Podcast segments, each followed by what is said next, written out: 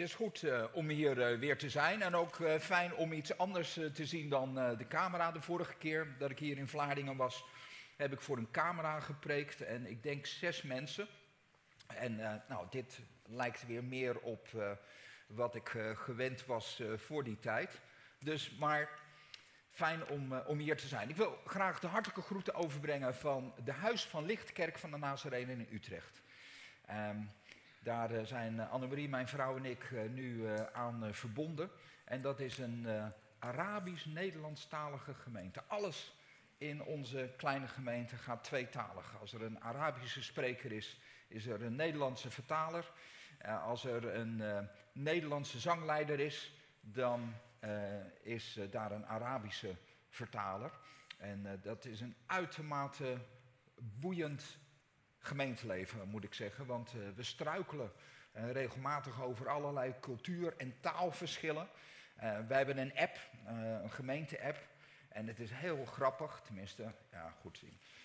Ik vind het grappig. Mijn gevoel voor humor kan soms wat afwijken van anderen. Maar om dan te zien hoe mensen op elkaar reageren. Dat je bijvoorbeeld dan hebt dat een van onze Syrische mensen iets uh, appt in alle oprechtheid, maar dat bedoelt ze dan letterlijk.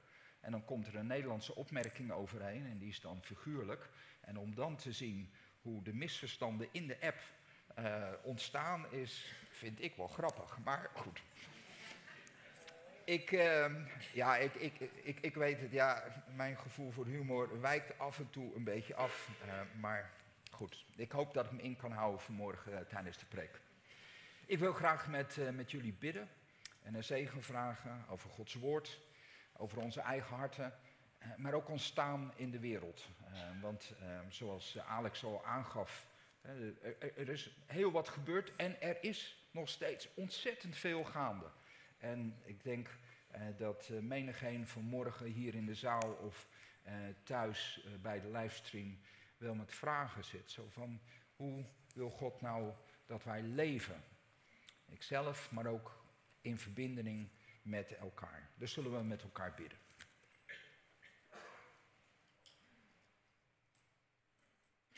Heilige God en Vader, we hebben grote, mooie liederen gezongen. Ik geloof en ik beleid, God is bij mij. En Heer, tegelijkertijd, als wij dan om ons heen kijken, dan verlangt ons hart naar een woord wat richting geeft en wat leven geeft. En we hebben beide nodig. En Heer, niet alleen wij. Wij zijn ons heel erg bewust dat als wij hier bij elkaar zijn, uh, maar dat wij uh, door ontstaan in de wereld, dat wij levens en relaties met ons meedragen, met familie, met vrienden, met collega's, maar ook mensen verder weg. Uh, die in nood uh, zijn, die zoeken en voor wie de wereld er plots heel anders uit is komen te zien. En hier daarin roept u ons terug naar Jezus Christus, gekruisigd en opgestaan. En hier op dat punt willen wij u dolgraag ontmoeten. Want door uw kruisdood, Heer, vereenzelvigt u ons, met onze pijn en moeite en lijden. En dat van de wereld. Maar in uw opstanding roept u ons tot een nieuw leven en belooft u u, ons en ieder die dat wil, om deel te zijn van een nieuwe schepping. Met een nieuw hart en een nieuw leven. En Heer, wij willen u bidden dat als wij met elkaar nadenken over uw woord, als uw Heilige Geest tot ons spreekt over ons leven en degene die met ons verbonden zijn, Heer, dat wij mogen merken dat u ons leidt van kruis naar nieuw leven. Dat vraagt u uit genade, om Jezus wil. Amen. Amen. Ik wil graag eh, beginnen met eh, de lezing uit Oud Testament van Jesaja 35. En uh, dat gaat over de woestijn. En de woestijn die gaat bloeien. En uh, Jezajas gebruikt enorm mooie, krachtige beelden. En hij zegt dan, de woestijn zal zich verheugen. de dorre vlakte vrolijk zijn. De wildernis zal jubelen en bloeien, als een lelie welig bloeien. Jubelen en juichen van vreugde. De woestijn tooit zich met de luister van de Libanon en de schoonheid van de Karmel en de Saron. Men aanschouwt de luister van de Heer, de schoonheid van onze God. Geef kracht aan trillende handen. Maak knikkende knieën sterk. Zeg tegen het moedeloze volk, wees sterk en vrees niet, want jullie God komt met zijn wraak. Gods vergelding zal komen, hij zelf zal jullie bevrijden. En dan worden de blinden de ogen geopend. De oren van de doven worden ontsloten, verlamden zullen springen als herten en de mond van stommen zal jubelen. Waterstromen zullen de woestijn splijten en beken de dorre vlakte doorsnijden. Het verzengde land wordt een waterplas. Dorstige grond wordt waterrijk gebied. En waar eenmaal jakhalzen huisden, maakt doorgras plaats voor riet en biezen. En daar zal een gebaande weg lopen, heilige weg genaamd. Geen onreine zal die betreden. Over die weg zullen ze gaan, maar dwazen zullen er niet te vinden zijn. Geen leeuw of roofdier zal daar komen. Geen enkel wild dier dwaalt er rond. Ze blijven er allemaal weg. Alleen zij die verlost zijn, zullen op die weg gaan. Wie door de Heer bevrijd zijn, keren terug. Jubelend komen ze naar Sion, andere naam voor Jeruzalem. Gekroond met eeuwige vreugde. Gejuich en vreugde trekken de stad binnen. En gejammer en verdriet vluchten er uit weg. Tot zover Jesaja 35. Volgende slide graag. Oké, wat ziet u hier? Ja, dit, dit, is even wennen, hè, maar dit is het moment waar u wat terug moet zeggen. wat ziet u hier? Een woestijn. Wie is in, wel eens in de woestijn geweest? Oké, hoe is het in de woestijn? Wat droog? Warm? Door? Nog andere? Ook mooi. Wat is er mooi in de woestijn? De stilte. De stilte, dat is mooi. Nou, Jezaja spreekt over een woestijn. En dit is een van de plaatjes van een woestijn die ik uh, kon, uh, kon vinden. En dan zegt hij over de woestijn, de woestijn zal bloeien. Volgende slide. Nou, denk ik van, dat is toch wel heel bijzonder. Uh, dit, is natuurlijk niet dezelfde woestijn voor degene die dat uh, dachten. En dat zie je aan de molen. Um, maar dit, dit, is waar Jezaja over spreekt. Een, een, een soort extreme makeover. Waarin een dorre, droge, superhete woestijn, waar eigenlijk geen leven mogelijk lijkt te zijn, dat die omgetoverd wordt in een bloeiend bloemenveld.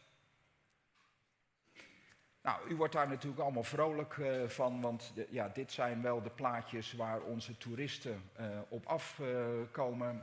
Uh, Amerikaanse vrienden willen altijd natuurlijk naar de Keukenhof of door Noord-Holland rijden om dan dit soort velden te zien. Maar wat ik gemerkt heb, is dat als ik bijvoorbeeld naar mijn familie in Den Helder onderweg ben, van Utrecht naar Den Helder, dan rijd ik hier ook langs en dan kijk ik zo even en zeg ik, oh Anne, moet je eens kijken wat mooi, oh daar mooi, en zoef, dan, dan zijn we er voorbij. En ik denk er ook verder niet meer over na. En toen dacht ik van ja, dat zou ook zomaar kunnen gebeuren met wat Jezaja tegen zijn volk toen. Maar wat God tegen ons nu zegt. Ja, nou fijn, uh, bloeiende, ja, bloeiende woestijn, mooi, ja. Keukenhof in het kwadraat, uh, prima. Nou, fijn, Heere God, dat u dat zo uh, verzorgt. Zoef, en we zijn er voorbij. Volgende slide. En toen dacht ik van ja, is dat nou werkelijk wat Jezaja bedoelt te zeggen? Of heeft hij een soort andere woestijn voor ogen? Een woestijn die verder gaat dan alleen maar een fysieke uh, temperatuur die ontzettend hoog uh, is. Een woestijn die verder gaat dan het zand waardoor je, waar je doorheen uh. Ik zat een paar weken geleden zat ik, te luisteren naar een jonge man van 30 die zijn levensverhaal vertelde. En hij vertelde dat uh, hij een ernstig ongeluk uh, had uh, gehad en dat hij in de revalidatie moest. En toen hij uit de revalidatie kwam, toen kreeg hij een tweede ernstig ongeluk. En dat tweede ongeluk, dat was nog ernstiger, want toen moest hij vier jaar revalideren. Terwijl ik zo naar hem zat te luisteren, zat ik ondertussen te rekenen. Ik dacht van, jij bent dertig nu. Al twee keer gerevalideerd en de laatste keer vier jaar gerevalideerd. En toen ging hij verder en toen vertelde hij dat uh, vanwege dat ongeluk dat hij een, uh, een royale compensatiesom geld had gekregen. En dat hij dat geïnvesteerd had in een entertainmentbedrijf, zeg maar, waar ze allerlei uh, bedrijfsuitjes en al dat soort dingen uh, organiseerde. En hij vertelde dat dat bedrijf, hij komt uit een ondernemersgezin, en hij vertelde dat dat bedrijf liep als een trein. Alles bloeide en groeide. En hij zei, en toen kwam corona en hij zegt, in enkele maanden tijd was ik failliet. En ik zat naar hem te luisteren en ik zat weer te rekenen. Toen dacht ik, je bent net 30.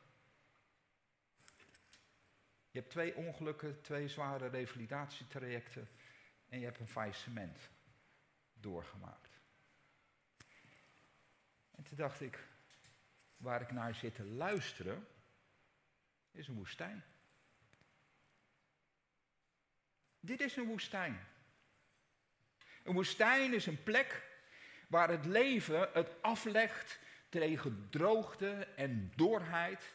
De woestijn is een plek waar je op een gegeven moment het gevoel hebt dat alles wat je aangrijpt om eruit te komen, om iets tot bloei te laten brengen, afbreekt bij je handen. Dat is een woestijn. Een woestijn is een plek waar je op een gegeven moment denkt: dit is meer als een gevangenis. Hoe kom ik hier in godsnaam uit? Dat is een woestijn. En ik denk dat het heel goed is dat uh, de, de, de bestuursraad, de leiding van de gemeente, vraagt: hoe is de woestijn van de afgelopen twee jaar voor jullie geweest? Als gemeente, gemeenteleden. Hoe, hoe, hoe was het om te proberen om te bloeien en te merken dat dingen en misschien wel je eigen ziel in je relaties verschrompelde. Hoe was dat? Kijk, en als Jezaja dan namens God spreekt over een bloeiende woestijn, en we hebben dan niet alleen maar die zandvlakte voor ogen, maar we hebben die existentiële woestijn voor ogen. Ja, dan kan ik niet zomaar voorbij de bloeiende bloemen zoeven. Dan word ik stilgezet en dan worden wij stilgezet. En dan zegt Jezaja tegen ons, waarvan je denkt dat het niet meer tot leven komt.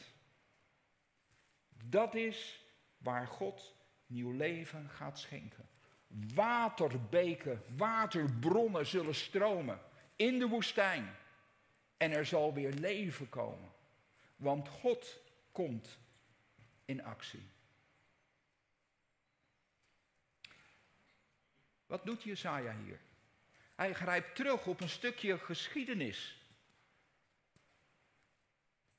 Want Gods volk, Exodus, nummerie. Gods volk was in de woestijn. En wat was hun meest gehoorde klacht in de woestijn? Er is geen water en er is geen eten. En wat doet God? Als we zeggen, er is geen water, we komen om van de dorst. Weet u nog, eh, even zonderschoolverhaal terug, zo van, had ons maar in Egypte gelaten. Want hier komen we om van de dorst. Dan krijgt Mozes de opdracht, spreek tot de rots, sla op de rots. En er zal water uit voortkomen. Dus wat Jezaja doet is dat hij zegt, mensen, ik snap dat jullie in de woestijn zitten. Maar blijf rekenen met God. Want God bevrijdt. God heeft het vermogen om waterbronnen in de woestijn te ontsluiten. En een woestijn tot een bloeiend geheel te maken. Nou, dat is goed nieuws. Dat is denk ik waarom Jezus ook over zichzelf spreekt als levend water, als brood des levens, om ons uit die woestijn of door die woestijn te helpen. Maar wij zijn Nederlanders, tenminste de meeste van ons. En wij zijn een eigenaardig volkje, want wij hebben wat moeite om het midden te behouden. Want dan horen wij van God zal komen en bevrijden, God zal waterbronnen openen. En dan eh, heeft een deel van ons, misschien wel een deel in ons, de neiging om te zeggen, nou, goed Heere God, we pakken onze stoel erbij, zetten hem neer, gaan zitten en zeggen van, nou Heere God, hier is een woestijn, laat hem maar bloeien.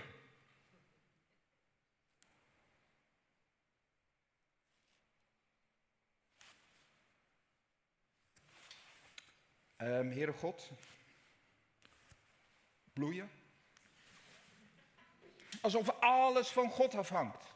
Of we zitten aan de andere kant, waar we hebben van nou,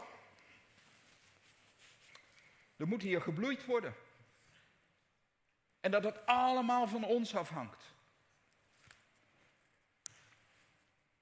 En ik denk dat een van de mooie dingen van de Wesleyaanse kijk en horen van de boodschap in de Bijbel is, is dat Wesley zei, nee, God werkt, mensen antwoorden, mensen antwoorden en werken en God geeft meer licht en meer kracht en zo is het een samenspel. En dat is wat we ook zien in dit gedeelte. Want in, nou ja, goed, ik ben mijn tekst een beetje kwijt. God, God heeft net beschreven, of Jezaja heeft net beschreven hoe God de woestijn gaat doen bloeien. En dan schakelt hij door en dan zegt hij, geef kracht aan trillende handen. Maak knikkende knieën sterk. Zeg tegen dit moedeloze volk, wees sterk en vrees niet, want jullie God komt met zijn wraak. Gods vergelding zal komen, hij zelf zal jullie bevrijden. Geef kracht aan trillende handen, sterk knikkende knieën. Wel eens last van knikkende knieën gehad? Misschien wel door angst of door uitputting.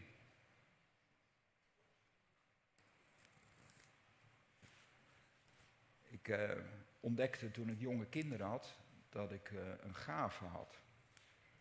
En die gave was dat ik altijd te optimistisch was over de lengte van de wandeling die ik gepland had. Dus waarvan ik dacht van nou drie kwartier dat moet wel lukken, gebeurde het regelmatig dat na twee uur, hè, dat we net over de helft zaten. En als je jonge kinderen hebt, is dat een onhandige gave. Want wat gebeurt er als je met kinderen, met jonge kinderen gaat lopen? Na tien minuten. Zijn we er al? En wat doe je dan als vader of als moeder? Wat doe je dan? Kan een snoepje geven, maar dat werkt maar tien minuten. Wat doe je dan? dan pak je je kind bij de hand. En je zegt, nou, we gaan samen lopen. En als we bij die rot zijn, dan pak ik je andere hand.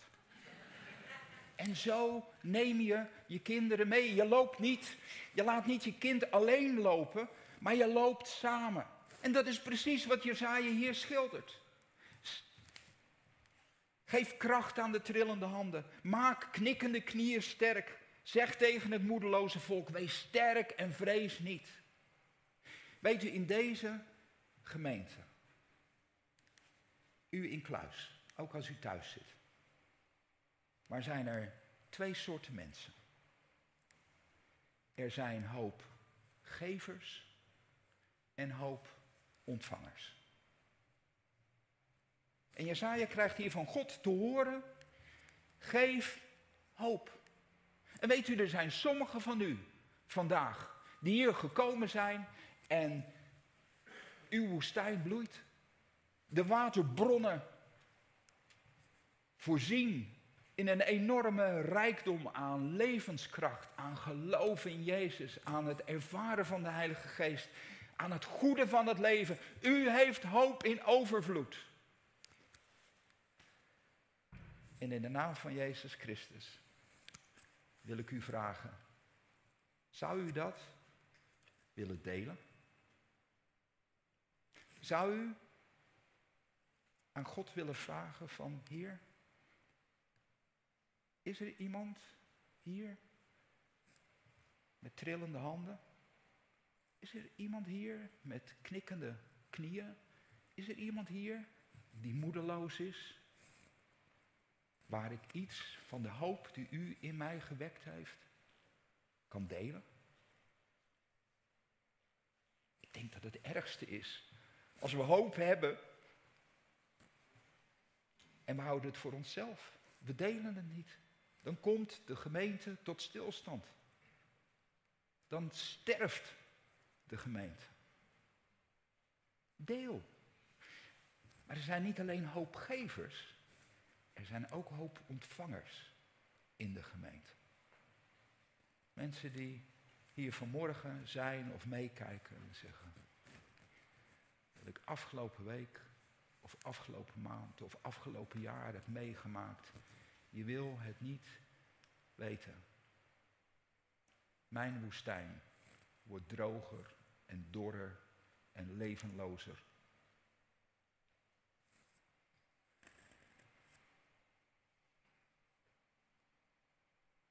Maar dan moet je wel voor de dag komen. Dan moet je wel tegen iemand laten merken. Ik heb niks om te geven. Ik heb zo'n nood om te ontvangen. Vraag je wel eens of iemand specifiek voor je wil bidden? Vraag je wel eens aan iemand, wil, wil jij delen hoe God jou door dit soort situaties heen heeft geleid? Je kan geen hoop ontvangen als je niet op een of andere manier je hart je leven opent naar elkaar.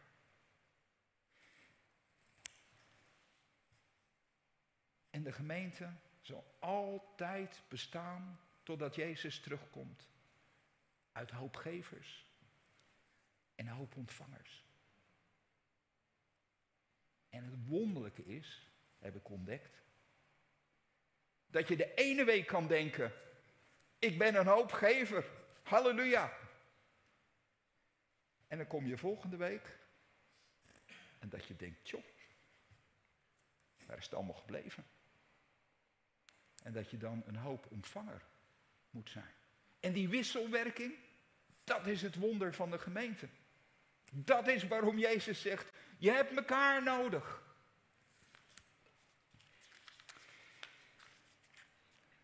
denk dat we bij de volgende slide moeten zijn.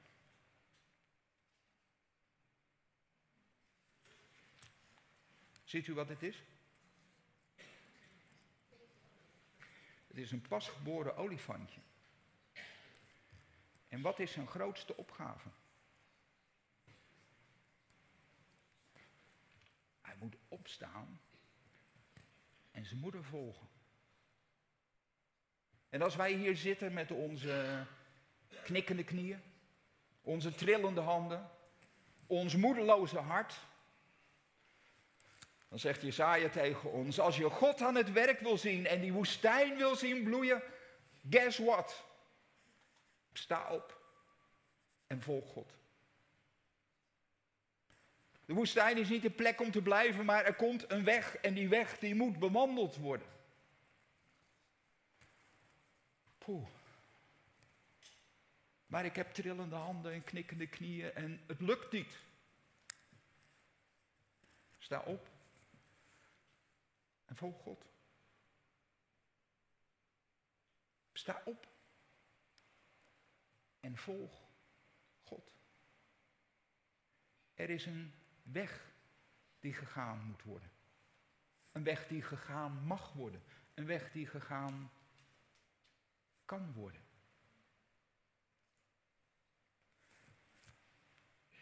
Jesaja zegt, als je die weg gaat, zal je wonderlijk genoeg, waar je misschien begint met een klein beetje, maar zal je wonderlijk genoeg, zal je stap naar stap naar stap merken dat er een heling, dat er een genezing plaatsvindt in je leven. Blinden worden de ogen geopend. Oren van doven worden ontsloten. Dat betekent dat ze weer kunnen horen. Verlamden zullen springen als herten. En de mond van stommen zal jubelen. Gods genezing gaat dikwijls stap voor stap.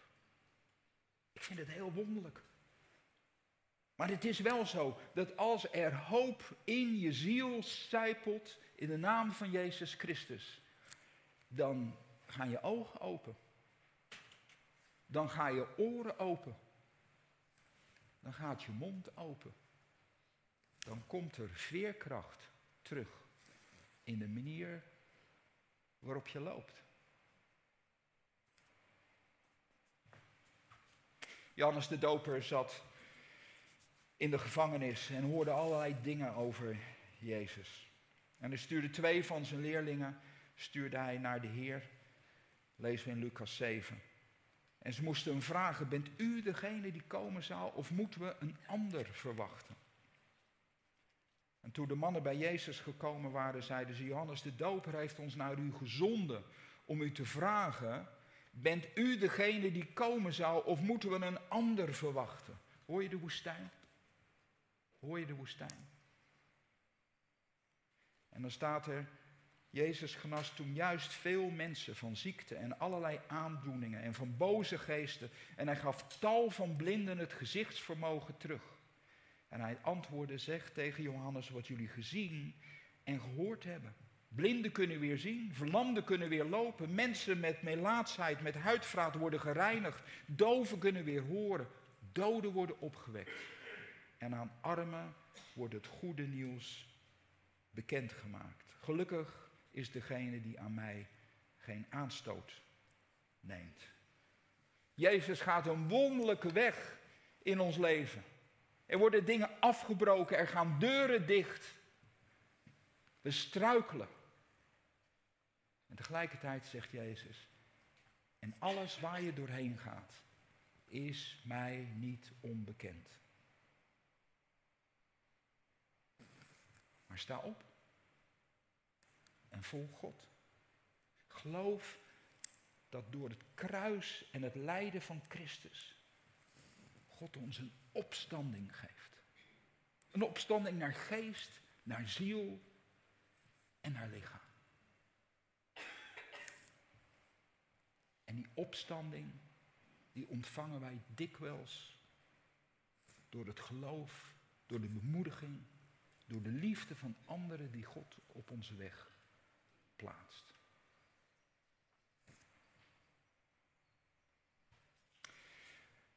Toen wij uh, terugkwamen van uh, het zendingswerk van onze kerk in, uh, in Nederland, toen was het vlak voor de lockdown. En wij dachten toen nog dat het eh, van korte duur eh, zou zijn.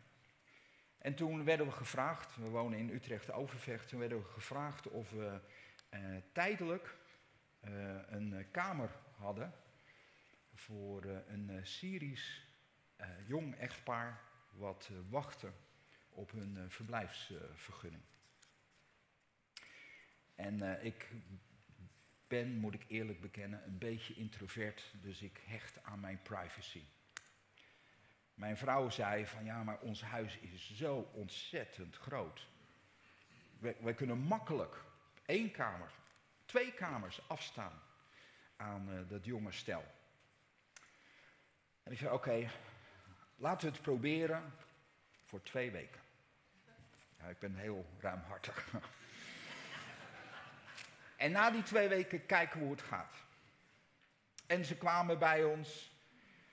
En na twee weken, ik dacht, ja, ik, als ik mezelf christen wil blijven noemen, kan ik niet na twee weken zeggen van, ga maar weer eruit. En die twee weken werden een maand, want ik zei nog een keer twee weken.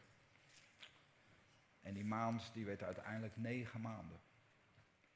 En waar ik tegenaan zat te hikken aan het begin, was dat ik dacht van poeh, delen.